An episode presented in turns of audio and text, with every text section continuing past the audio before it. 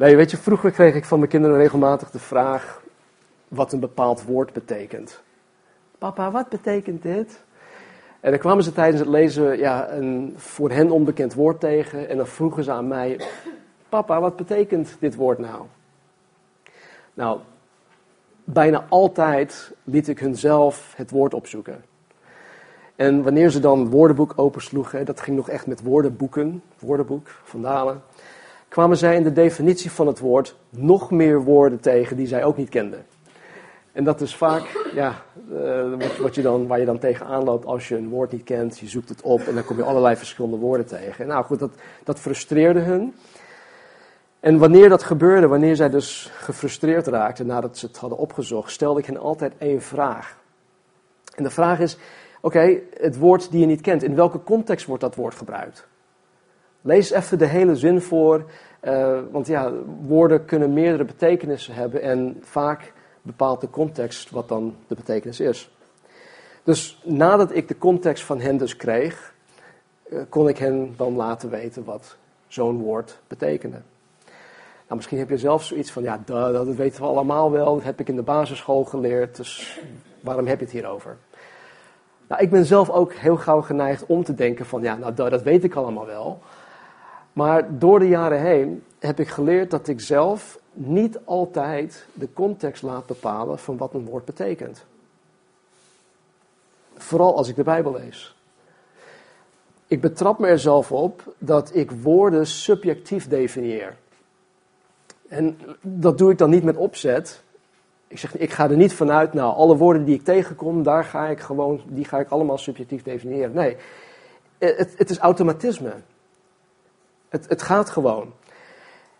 En als ik daar even, als ik, daar, ja, als ik daarbij stilsta, dan doe ik dat omdat ik mezelf er niet toe dwing om alle mogelijke betekenissen van een woord te leren kennen en te begrijpen. Ik doe er geen moeite voor. Omdat ik van nature ben ik lui. Dus het is gewoon veel makkelijker om de betekenis die ik aan een woord gegeven heb te handhaven. Toch? Is dit herkenbaar of niet?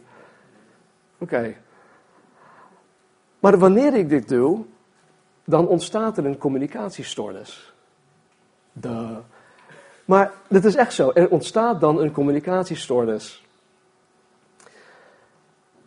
Het gevolg van zo'n communicatiestoornis is dat dan de bedoelde boodschap niet overkomt. Nogmaals, heel simpel, maar het gebeurt elke dag tot meerdere malen toe in jullie communicatie. Echt waar. Nou, zo'n communicatiestoornis kan gebeuren zowel wanneer ik zelf iets aan een ander wil communiceren, zoals ik hier ook op elke zondag doe, of wanneer iets aan mij gecommuniceerd wordt. En ik denk, om zo'n communicatiestoornis te kunnen voorkomen, is het belangrijk om alle mogelijke betekenissen van een woord te kennen. Dat is één. En om de context te kennen waarin iets gezegd of geschreven wordt. Als je die twee dingen al doet, dan ben je bij voorbaat al zo'n zo stuk verder dan de doorsnee andere persoon die dat dan niet doet. Nou, toen ik de afgelopen week bezig was met mijn voorbereidingen op deze preek van vanmorgen, stuitte ik tegen dit probleem aan. Ik stuitte tegen een woord aan waaraan ik mijn eigen betekenis had gegeven.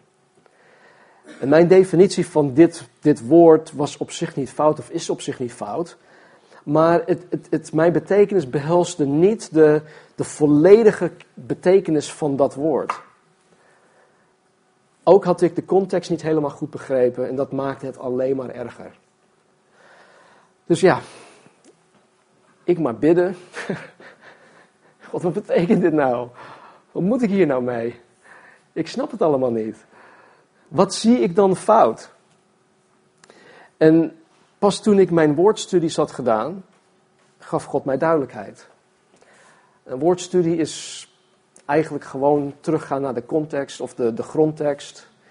De woorden opzoeken in, in de grondtekst en dan de definities van die woorden uh, echt uh, te gaan spitten. Te, te gaan ontdekken wat zo'n woord nou echt betekent en hoe was het gebruikt in, in de Bijbel.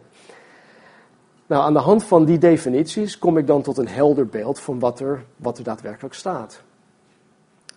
Goed, ik kom hier straks nog op terug. Ja? Laten we gewoon lezen.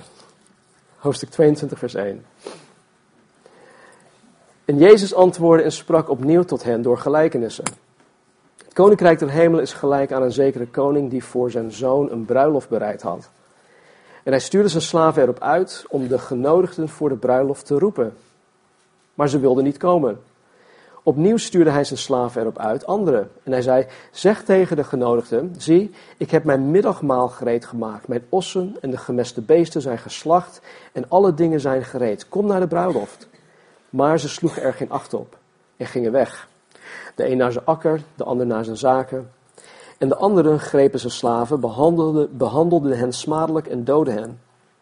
Toen de koning dat hoorde, werd hij boos.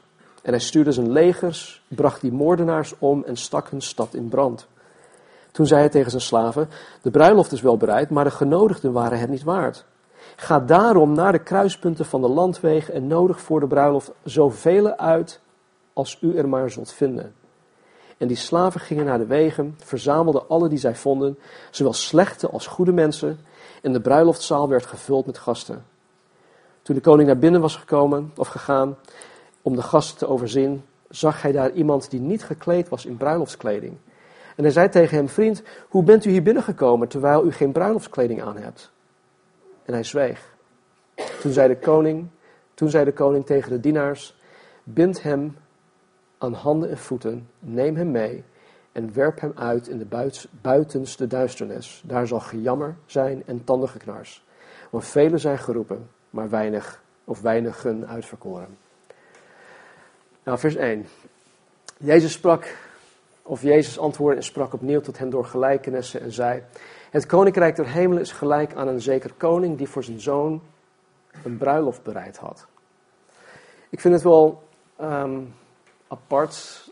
Matthäus gebruikt het woord antwoorden heel vaak. En Jezus antwoordde, terwijl daarvoor helemaal geen vraag staat. Weet je, dus het woord antwoorden, het is, het is niet zozeer dat er per se een directe vraag aan Jezus gesteld wordt. Maar de situatie waarin Jezus dat dan zegt, vereist wel een antwoord. Bovendien denk ik dat Jezus, ja, natuurlijk ook wel de gedachten van die fariseërs en de schriftgeleerden kende. Dus hier zien wij Jezus antwoorden en sprak. Nou, om zo'n punt echt duidelijk te maken, gebruikt Jezus in deze gelijkenis extreme voorbeelden. Eh, misschien lijkt dat in onze dag niet zo extreem, maar dit zijn echt extreme voorbeelden. Het koninkrijk der hemel is gelijk aan een zekere koning die voor zijn zoon een bruiloft bereid had. Een bruiloft. Een bruiloft was in die tijd, in die cultuur, het meest bijzonder feest ooit. Ik denk dat het vandaag de dag nog steeds in het Midden-Oosten zo is. Een Joods bruiloft duurde zeven dagen lang. Het was niet, je had geen daggasten. Je had, geen, je had, een, je had een weekgast. Het duurde gewoon zeven dagen lang. En het was natuurlijk altijd een hoop werk om zo'n feest te, te, plannen en voor te bereiden. Het kost een hoop energie. Het kost een hoop ja, mankracht, denk ik, een hoop tijd en, en geld. Om dan uitgenodigd te worden, was een grote eer. Het was een grote voorrecht om überhaupt naar zo'n feest uitgenodigd te worden. Nou, helemaal als het, als het dan om een koninklijk bruiloft gaat, dan is dat helemaal een, een, een grote eer. Want een koninklijke bruiloft, dat was echt het toppunt van alle feesten. Je kon niets anders bedenken dat een groter feest was dan een koninklijk bruiloft. En als je dan daarvoor uitgenodigd werd, dan zou je letterlijk alles laten vallen om daarbij te kunnen zijn. Vers 3. En de koning stuurde zijn slaven erop uit om de genodigden voor de bruiloft te roepen. Maar ze wilden niet komen. De koning had de genodigden voorheen al, dus voor vers 3 al, formele uitnodigingen gedaan aan deze mensen. En nu was het tijd om die mensen die hij al reeds uitgenodigd had, om hun gewoon te roepen van kom, het is nu klaar. Tegenwoordig gaat alles ja, of via de post of het is tegenwoordig ook uh, heel veel digitaal. Maar in die tijd was het anders. Hè. Nu krijg je een, een mooie, mooie uitnodiging met, met, met de namen erbij en uh, datum en tijd en plaats en of je een daggast bent of niet. Je wordt uitgenodigd. Maar toen was het zo dat men eerst formeel werd uitgenodigd, die werd benaderd. Maar de exacte datum en tijd, die was nog niet, die was nog niet bekend. Dus ergens in de toekomst. Het was nog niet exact bekend. En vervolgens worden alle voorbereidingen getroffen. En wanneer de tijd dan nadert dat alles gereed is geworden, worden de genodigden geroepen om dan te komen. En het is op zo'n moment dat ehm, de slaven van deze koning dus erop uitgaan om mensen naar het feest te brengen. Men ging er dus ook altijd vanuit dat wanneer een genodigde geroepen werd, hij of zij gewoon kwamen. Het was ongekend dat een genodigde niet zou komen. Dat, dat, dat, dat, dat, gebeurde gewoon niet. En vooral als het om een, om een koninklijke bruiloft ging. Maar in dit verhaal wilden zij niet komen. En dit is natuurlijk een gigantische belediging voor het koninklijk huis. Dus dit is echt extreem, dit voorbeeld wat Jezus hier zegt. Vers 4. Opnieuw stuurde hij slaven erop uit, anderen. En hij zei, zeg tegen de genodigden, zie ik heb mijn middagmaal gereed, gereed gemaakt. Mijn ossen en de gemeeste, gemeste beesten zijn geslacht en alle dingen zijn gereed. Kom naar de bruiloft. Het, is, deed me in eerste instantie denken aan uh, toen we ons huis kochten. Nou, dit gebeurt vaker, maar toen we ons huis kochten, dat weet ik nog. Dat was de eerste keer dat ik het ooit had gehoord. Toen gingen we naar een, een keukenboer. Ergens in Permanent was dat. En uh, die man die heette Marco, dat weet ik nog heel goed. En ik had hem aan de telefoon. En hij zegt, uh, meneer Marinus, kom met uw vrouw en maak er een ochtendje van. En de koffie staat klaar. de koffie staat klaar. En dat is voor het eerst dat ik dat hoorde. En nou goed, daarna um, hoorde ik dat al vaker. Of misschien is dat de eerste keer dat, dat het mij opviel. Maar hier in Nederland zeggen we gewoon, wanneer we iemand uitnodigen, jongens, de koffie staat klaar. Nou, hier gaat het dus om veel meer dan alleen koffie. Het gaat hier om ossen, hè, meervoud. Heb je ooit een os gezien? het gaat om ossen, het gaat om gemeste beesten. Mensen, dit is een gigantisch feest. Een hoop vlees. Als Rolof erbij was, nou. dit is dus niet voor vegetariërs. Maar goed, een hoop eten staat klaar. Alles is gereed. Het wordt een geweldig feest. Kom nou, zegt hij. En, en dat de koning voor een tweede keer zijn slaven erop uitstuurde, spreekt in mijn beleving gewoon van zijn liefde. Hij, hij wilde per se dat die mensen naar zijn feest kwamen. Het spreekt ook van een, een, ja, een stuk geduld. Ze zeiden eerst nee, dan stuurt hij weer mensen erop uit. Nou, overtuigen nou. Zeg nou, het is klaar, kom.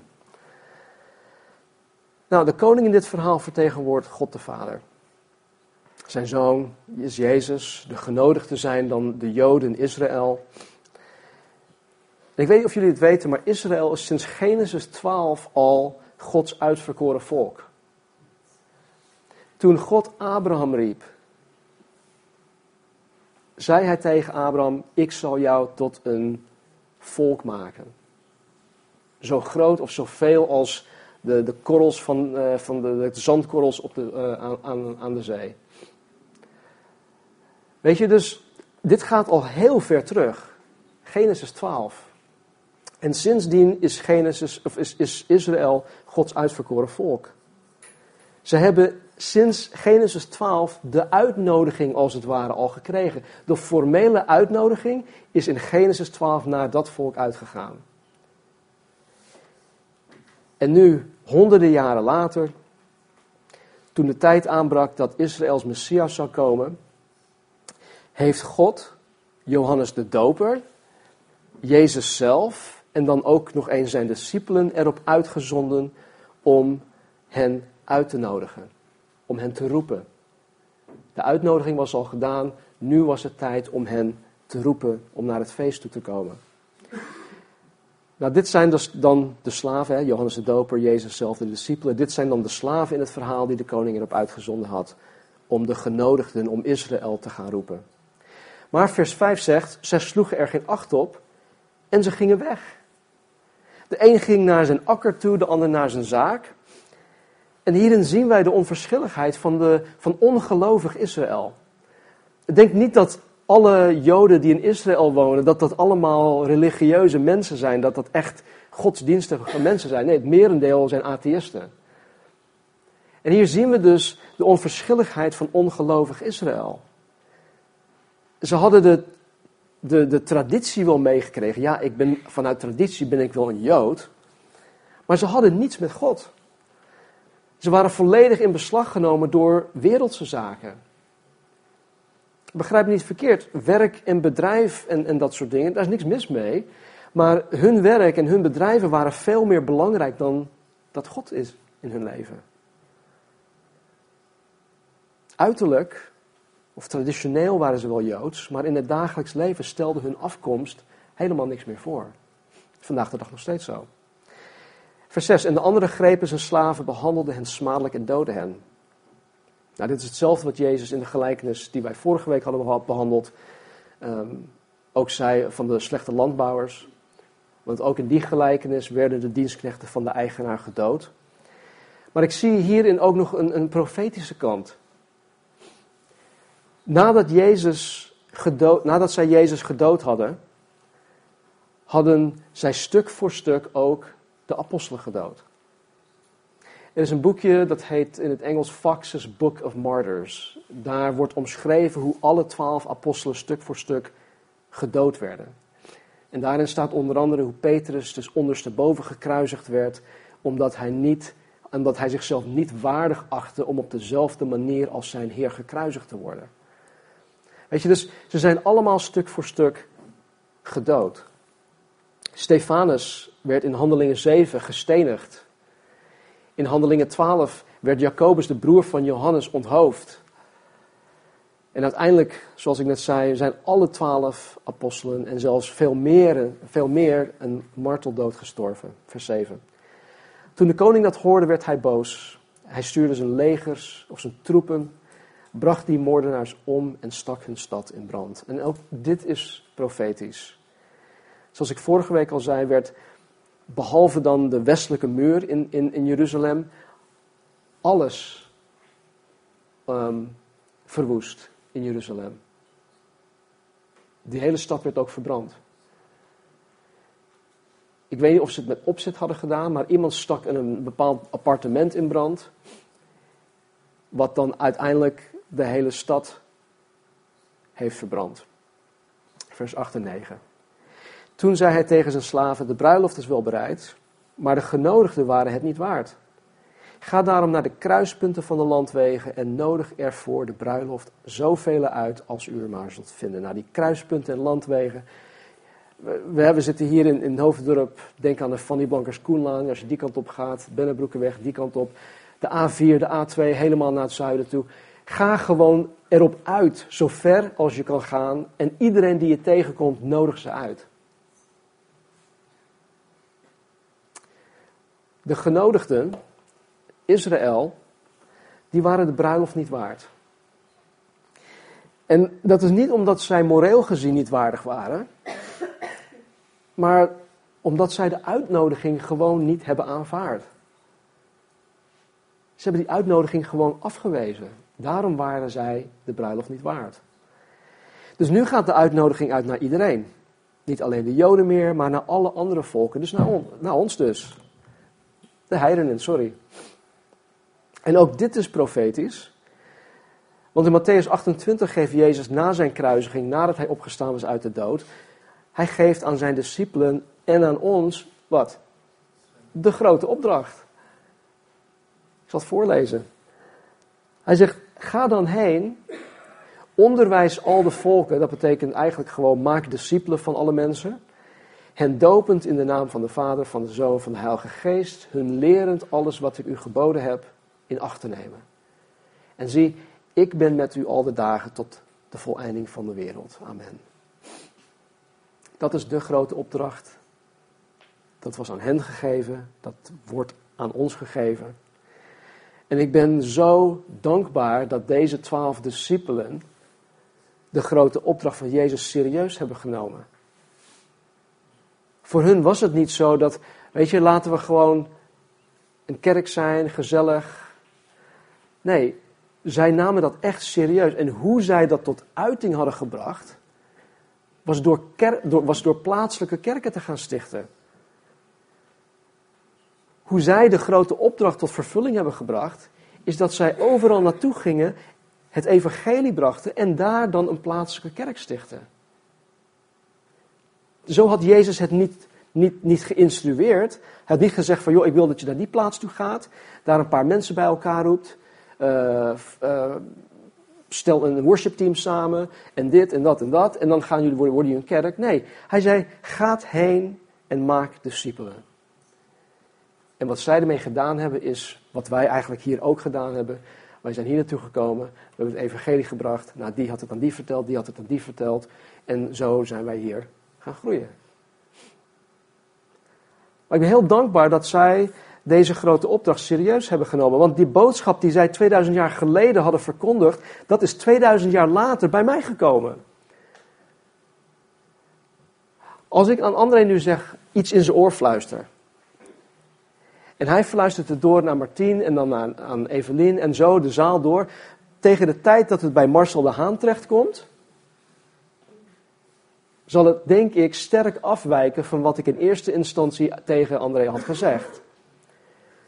Maar denk, denk hier even over na. Een boodschap 2000 jaar geleden is door de discipelen, door de apostelen de wereld ingegaan. En ik mag nu, 2000 jaar later, diezelfde boodschap nog steeds verkondigen. Waardoor mensen gered worden, waardoor mensen tot leven komen. Waardoor mensen geroepen worden om tot, tot, naar het bruiloftfeest te kunnen komen. Dat is een bovennatuurlijk iets. Dat kan geen enkel mens verklaren. Dus ik ben echt dankbaar dat zij het serieus hebben genomen. Ze hebben gedaan wat Jezus van hen vroeg. En het heeft hen uiteindelijk hun leven gekost. Op een hele brute wijze.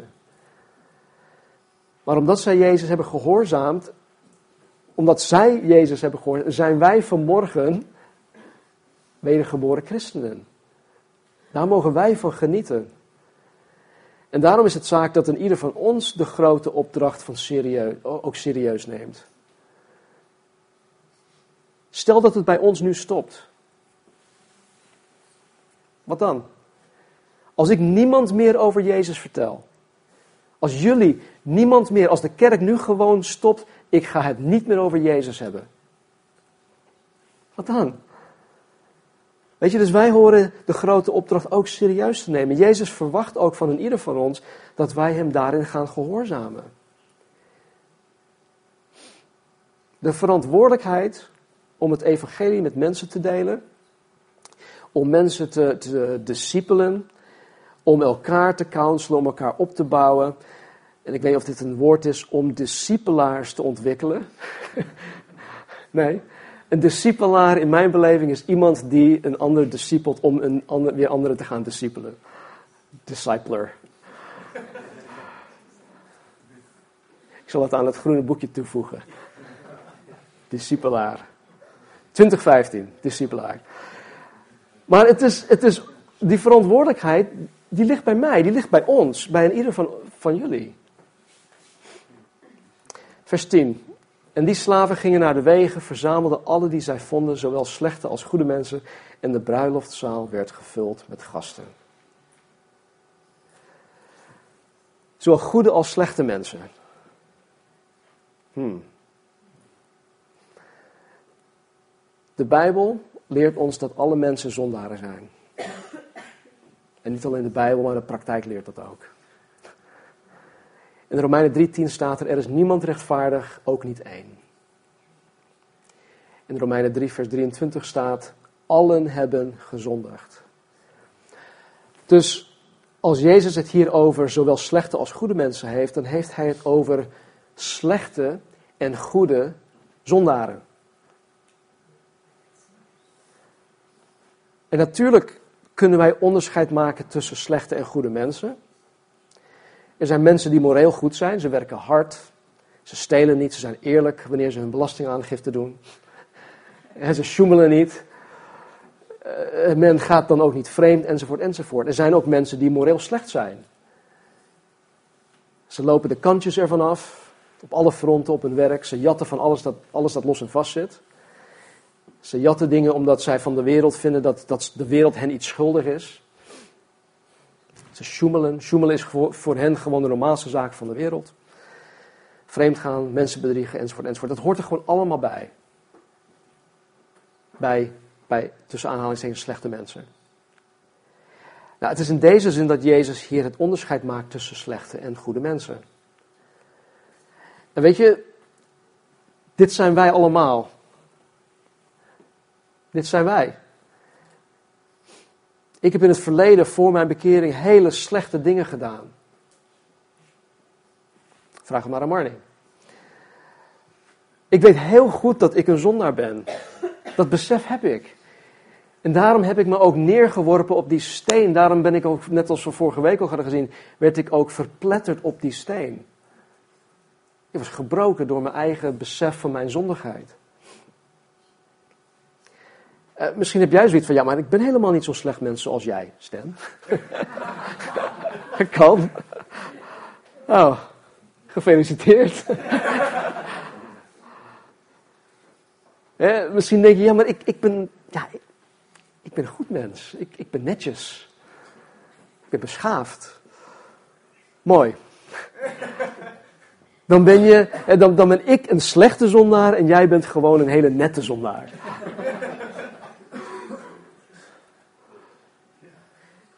Kijk, hoe dan ook, het mooie hiervan is dat God geen onderscheid maakt. Hij maakt echt geen onderscheid. Hij gaat op zoek naar allen die zijn uitnodiging aanvaarden. Hij gaat echt actief en proactief op zoek en hij gebruikt ons. Wij zijn zijn handen en voeten. In Timotheus, 1 Timotheus 1 vers 15 zegt Paulus dit. Dit is een betrouwbaar woord en alle aanneming waard. Dat Jezus Christus in de wereld gekomen is om zondaars te redden of zondaars zalig te maken, van wie ik, Paulus, de voornaamste ben. God de Vader heeft zijn zoon Jezus naar de aarde toe gezonden om zondaars, zowel slechte als goede zondaars, te redden. Dat is echt het evangelie in, in, in, in één vers. Daar hadden Martine en ik het van de week ook nog over. Johannes 3, vers 16. Dat is gewoon het evangelie in één vers. En zo staan er wel nog meer van die, die, die versen. Jezus zei van zichzelf in Lucas 19:10 dat hij gekomen was om te zoeken en zalig te maken wat verloren is. En dit spreekt gewoon van een actief op zoek gaan naar. Vers 11 en 12. Toen de koning naar binnen was gegaan om de gasten te overzien, zag hij daar iemand die niet gekleed was in bruiloftskleding. En hij zei tegen hem: Vriend, hoe bent u hier binnengekomen terwijl u geen bruiloftskleding aan hebt? En hij zweeg. Nou, tegenwoordig is dat veel minder formeel. Ik vond het trouwens gaaf dat ik bij, uh, dat uh, toen ik uh, in de voorbereiding bezig was met Casper en Amit, hen vroeg van joh, wil jij per se dat ik een pak draag? En uh, hij zei van nee joh, hij zegt uh, doe gewoon waarin je je prettig voelt, comfortabel voelt. De reden waarom ik dit vroeg is, mijn pak is inmiddels 15 jaar oud. Ik ben inmiddels 15 jaar ouder. En met, de oude, ja, met, met zo'n groot leeftijdsverschil zit soms ook een beetje, ja, je lichaam gaat veranderen door de tijd heen. Wacht jij maar, hij zegt nee. Ik hoor jou nog wel over twintig jaar.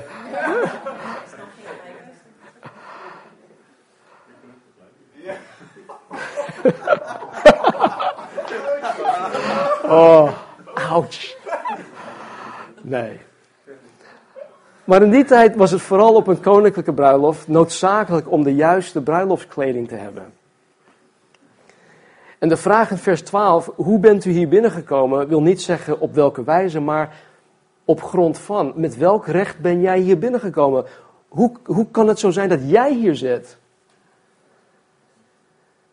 Dus de vraag is, met welk recht of op welke basis zit jij eigenlijk hier? Kijk, vergeet niet, Jezus spreekt hier in deze gelijkenis voornamelijk tegen de fariseeën en de schriftgeleerden. Dit is voor hun. En wat hij in de bergreden tegen zijn discipelen zei.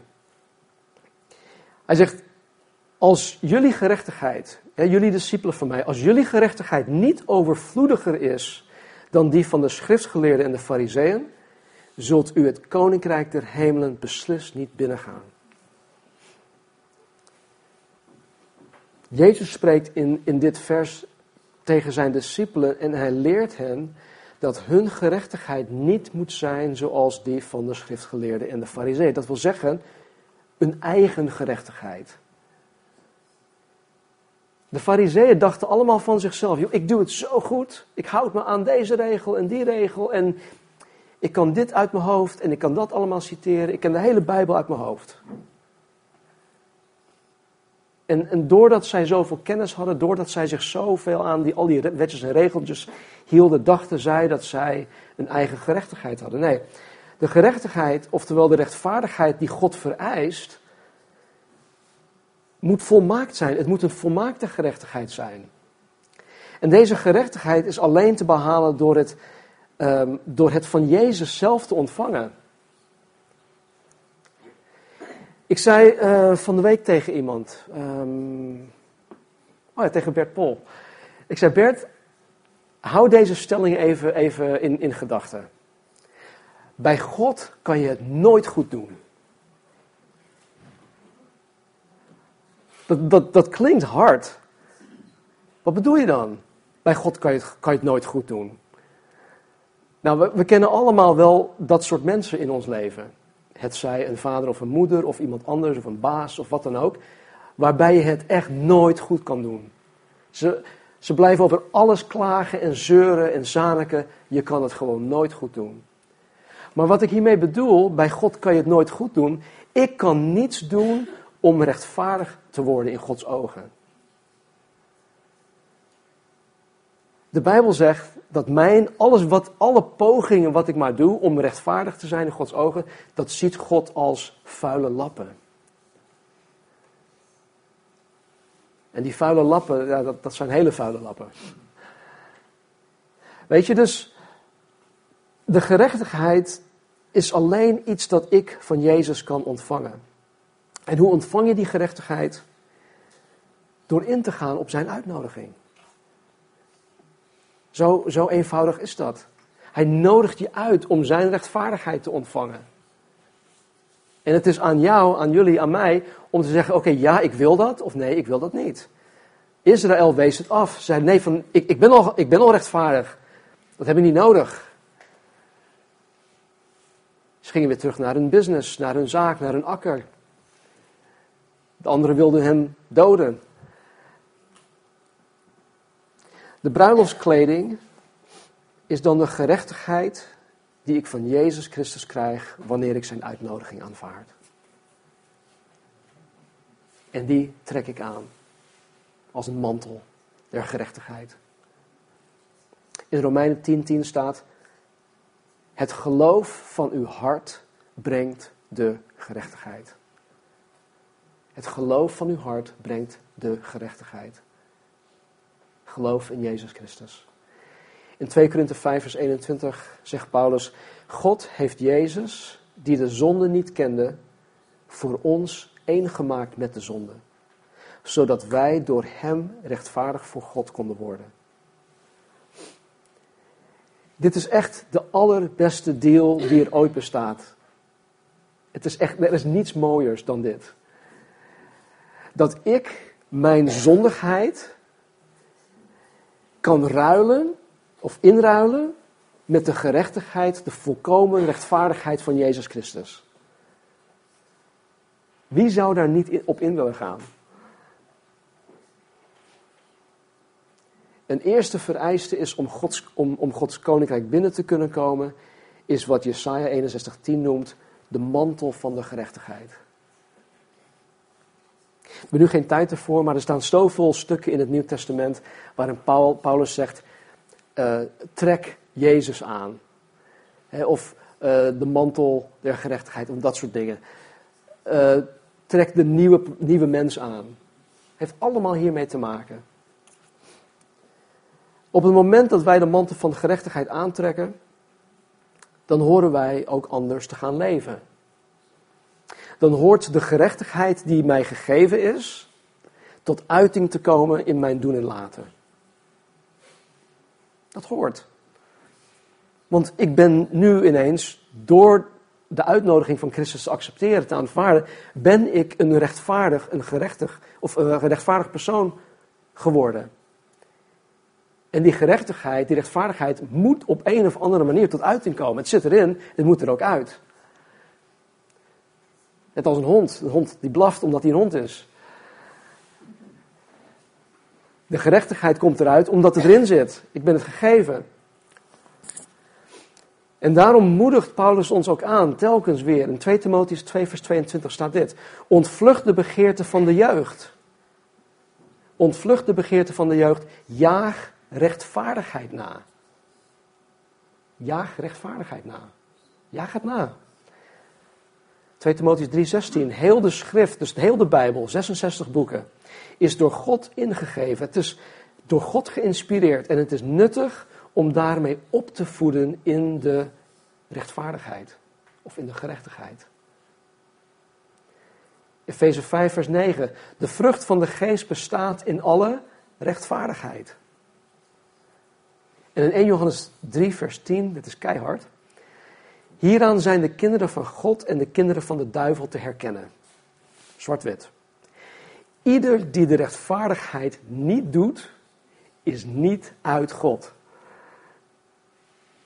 Dat zijn mijn woorden niet. Iedereen die de rechtvaardigheid niet doet, is niet uit God. Nou, even terug naar de man in de gelijkenis. De man in de gelijkenis die geen bruiloftskleding aan had, is een mens die uiteindelijk geen bewijs van gerechtigheid in zijn of haar leven toont. Misschien kan hij wel beweren, maar ja, ik, ik, ik heb ooit het zondaarsgebed gedaan. Ik heb ooit dit of ik doe dat. Maar als die rechtvaardigheid of die gerechtigheid niet tot uiting komt. Johannes is hier, is hier heel duidelijk in. Ieder die de rechtvaardigheid niet doet, is niet uit God. Vers 13. Toen zei de koning tegen de dienaars: Bind hem aan de handen en voeten, neem hem mee en werp hem uit in de buitenste duisternis. Daar zal gejammer zijn en tandengeknars. Ik geloof dat dit zo'n mens is waarvan Jezus in Matthäus 7 zegt: Niet ieder die tegen mij zegt, Heere, Heere, zal binnengaan in het koninkrijk der hemelen, maar wie de wil doet van mijn Vader die in de hemelen is. Velen zullen op die dag tegen mij zeggen: Heere, Heere, hebben wij niet in uw naam geprofeteerd? En in uw naam demonen uitgedreven en in uw naam veel krachten gedaan? Dan zal ik, zegt Jezus, hun openlijk zeggen: Ik heb hun nooit gekend. Ga weg van mij, u die wetteloosheid werkt. Dit is hetzelfde als de man die zonder bruiloftskleed naar het feest toe ging, waarvan Jezus zegt: Ik wil dat je hem vastbindt en hem eruit zet. Want, vers 14, velen zijn geroepen, maar weinigen uitverkoren. Nou, toen ik dit vers aan het lezen was, begreep ik niet wat Jezus hier precies mee bedoelde. Kijk, ik, ik weet vanuit Gods woord dat ik uitverkoren ben. Hoe dat werkt, dat, dat, daar heb ik totaal geen weet van. Maar de Bijbel leert mij dat ik zelfs voor de grondlegging van de wereld uitverkoren werd door God om goede werken te doen. Dat kan mijn kleine verstand niet beseffen, maar ik geloof het wel. Dus ik geloof echt dat ik uitverkoren ben. Ik weet ook dat ik door God geroepen ben. Maar hier maakt Jezus onderscheid tussen die twee. En dit bracht mij echt in verwarring. Dit bracht mij in verwarring. Toen ik het woord geroepen zag, dacht ik aan Gods innerlijke roeping die, die Hij op mijn leven heeft geplaatst. Ik heb al meerdere malen verteld, hè, ik voelde me echt geroepen om eh, de boel achter te laten in de States om naar Nederland toe te komen. Ik voelde me geroepen om dit te doen. Ook in deze bediening. Dus toen ik dat woord geroepen zag, dacht ik onmiddellijk aan die innerlijke roeping die hij op mijn leven had geplaatst. Ik ging uit van de betekenis van het woord geroepen, die ik op dat moment aan dat woord gegeven had. En dat bracht mij in verwarring. En dat is link. Want als ik daar niet uitgekomen was, ik ben inmiddels uitgekomen, maar als ik daar niet uitgekomen was, dan, dan zou ik dat waarschijnlijk heel anders gaan lezen. Op het moment dat ik naar de definitie van de grondtekst ging kijken, en ook de betekenis daarvan in de context van deze gelijkenis las, was de verwarring ineens weg. Het was eens klaar helder. Dank u wel, Heer, nu snap ik het. Jezus heeft het hier niet over een persoonlijke innerlijke roeping om iets specifiek voor hem te gaan doen. Jezus heeft het hier over een, een externe roeping. Hij roept van buitenaf: kom naar, naar het bruiloftsfeest. Hij stuurt mensen op mij af. Door de jaren heen heeft God zoveel mensen op mijn pad gebracht. Die, die mij geroepen hebben om tot het bruiloftsfeest te komen. Misschien niet in, in die woorden. Ja, vraag maar aan mijn broer Bert. Die heeft echt urenlang met mij, met mij gesproken. En zo zijn er meerdere geweest die, die mij riepen. Jezus heeft het hier dus over die roeping, een uitnodiging die naar alle mensen uitgaat. En Jezus zegt hiermee dat de uitnodiging om in Hem te gaan geloven naar iedereen uitgaat. Het gaat echt naar iedereen uit, maar dat er maar weinigen zijn die de uitnodiging zullen aanvaarden. Weet je nog, in, in, uh, in de bergreden hoofdstuk 7 heeft Jezus het over de nauwe poort en de smalle weg. En dan heeft hij het over de brede poort en de brede weg. Velen zullen daarop gaan, maar er zijn maar weinigen die door de nauwe poort binnengaan. Weinigen. En als je vanmorgen ja, het bruiloftskleed niet, nog niet aangetrokken hebt, dan geldt die uitnodiging nog steeds voor jou. God zal je blijven uitnodigen. Het feit dat wij hier op aarde nog steeds kunnen ademen, dat wij hier leven, is Gods genade en dat betekent dat Hij nog niet met jou klaar is. Hij nodigt ons uit. En God zal zijn dienstknechten er voortdurend op uitsturen om mensen uit te nodigen. Zo is God.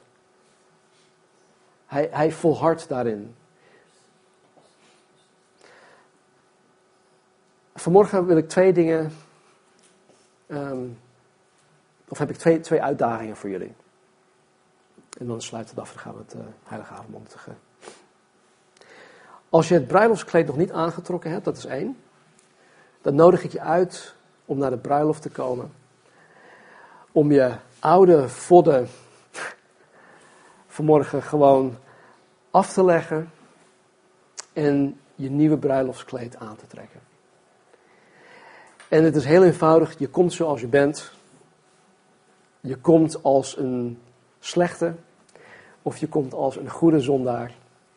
Maar komt. Kom gewoon. Dat is één. De tweede, tweede uitdaging is voor de rest. En dat is dat jullie erop uitgaan om mensen uit te nodigen voor het bruiloftfeest. En ook dat is in mijn optiek vrij eenvoudig. Vraag ten eerste aan God om jou de vrijmoedigheid te geven om dit te doen. Ik denk dat wij voor onszelf die drempel heel erg hoog leggen. En dat het heel moeilijk is om met iemand over God te praten. Maar je zal merken op het moment dat God voor, voor jou die deur opent, dat mensen eigenlijk helemaal niet zo vijandig zijn wanneer je het over God wil hebben. Natuurlijk zijn er wel mensen die, die, dat, die dat zijn, maar 9 van de 10 mensen die zijn best wel bereid om jou aan te horen of, of met jou in gesprek te gaan. Vraag gewoon dat God mensen op je pad brengt. Vraag God jou de vrijmoedigheid te geven. En weet je, al geeft God jou geen vrijmoedigheid, al brengt God geen mensen op je pad, doe het nog steeds. Doe het gewoon. Jezus Christus in de grote opdracht zei niet: ga heen en maak discipelen van alle volkeren wanneer het je uitkomt. Of wanneer ik mensen op je pad breng, of wanneer jij de vrijmoedigheid hebt gekregen. Nee, hij zegt: ga gewoon. En dat geldt voor mij ook. Stap gewoon de boot uit. Neem vandaag wat Bijbels mee. Drie zijn er al weg. We hebben nog 497 te gaan. Laten we bidden. Oh God, dank u wel dat u zo geweldig goed bent voor ons. Heer, dat u zo begaan bent met een ieder van ons. Dat u zo begaan bent met de wereld, Heer. Want al zo lief hebt u de wereld lief gehad. Dat u uw enige zoon gegeven hebt, Heer. Dat ieder die in hem gelooft niet verloren zal gaan, maar het eeuwig leven zal hebben. Jezus, u die gekomen bent om te zoeken en te redden dat, dat verloren is. En Heer, als er vanmorgen iemand aanwezig is die zijn of haar bruiloftskleed nog niet aangetrokken heeft, Heer, overtuig deze personen. Overtuig hen. Overtuig hen van een geweldig feest, een geweldig leven samen met u. En Heer, wij die, die de grote opdracht misschien aan anderen willen overlaten.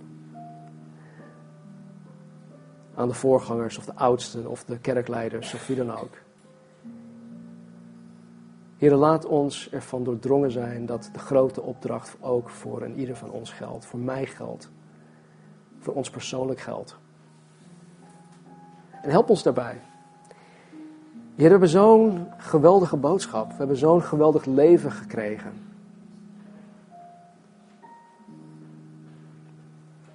Ik vind het ook zo mooi wat in spreuken staat: dat u vertrouwelijk omgaat met hen die oprecht zijn. Heer, maak uzelf kenbaar. Dank u wel, Heer, voor het geweldig offer van Jezus Christus. Dank u wel voor de geweldige ruil dat ik mijn zonde mag inruilen voor uw gerechtigheid.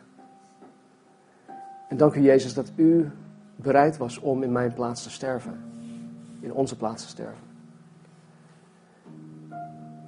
Waardoor ik verzoend ben met de Vader. Waardoor ik toegang heb tot het heiligdom.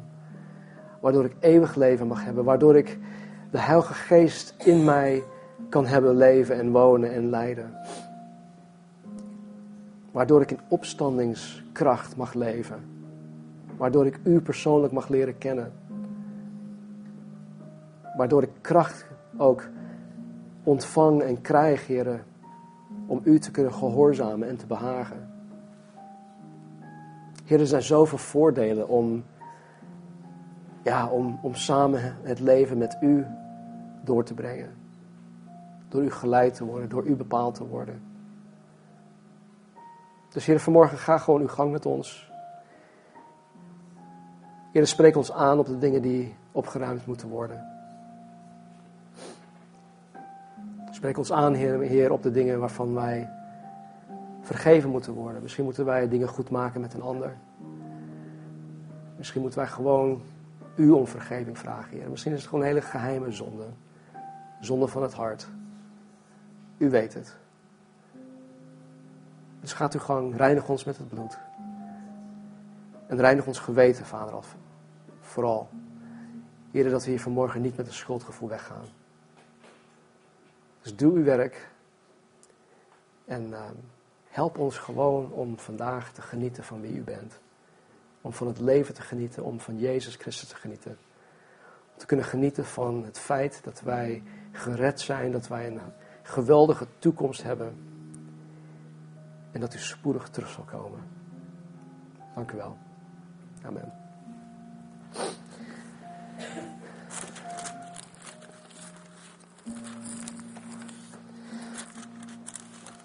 Weet je wat ik zo mooi vind van, uh, ja, zo mooi, er zijn zoveel mooie dingen. Een van de dingen die, die hier echt uitspringt over Jezus zelf.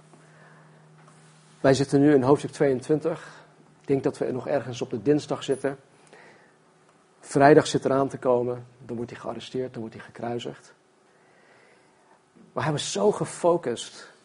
Hij wist wat hij moest doen en hij ging recht op zijn doel af. En hij was zo enthousiast, ondanks de pijn die hij zou moeten lijden, was hij zo enthousiast over het werk dat volbracht zou worden. En er staat er in Hebreeën 12 dit. Laten ook wij dan, nu wij door zo'n menigte van getuigen omringd worden, afleggen alle last en de zonde die ons zo gemakkelijk verstrikt. En laten wij met volharding de wedloop lopen die voor ons ligt, terwijl wij het oog gericht houden op Jezus, de leidsman en voleinder van het geloof. Hij heeft om de vreugde die hem in het vooruitzicht was gesteld, het kruis verdragen en de schande veracht, en zit nu aan de rechterhand van de troon van God. Om de vreugde die hem in het vooruitzicht gesteld was, verdroeg hij het kruis en de schande heeft hij veracht. Dat is zo, dat is zo gaaf. We zien dat ook in, in de laatste paasmaaltijd. Er staat in Matthäus 26 net. En terwijl zij aten, dus Jezus met zijn discipelen, nam Jezus het brood en toen hij het gezegend had, brak hij het. Hij gaf het aan de, aan de discipelen en hij zei, neem, eet, dit is mijn lichaam. Hij nam ook de drinkbeker en nadat hij gedankt had, gaf hij hun die en zei, drink allen daaruit, want dit is mijn bloed, het bloed van het nieuwe verbond, dat voor velen vergoten wordt tot vergeving van zonde. Ik zeg u dat ik van nu aan de vrucht van de wijnstok niet zal drinken tot op de dag wanneer ik die met u nieuw zal drinken in het koninkrijk van mijn vader. Dus ook daar, op dat moment, wetende dat hij in de komende uren gearresteerd zou worden, keek hij alweer vooruit naar het moment dat hij dit zou doen in het koninkrijk met zijn discipelen. Mensen, wij moeten vooruitblikken. We moeten niet in het verleden blijven steken. Het heden is heel belangrijk. Niet dat we altijd maar naar de, vooruit, hè, naar naar de toekomst wijzen. Van, oh, ik wil zo graag dit, ik wil zo graag dat. Nee, God wil ook dat wij vandaag leven. Dat wij genieten van Hem. Maar laten we vooruitblikken. God heeft geweldige dingen voor ons in petto.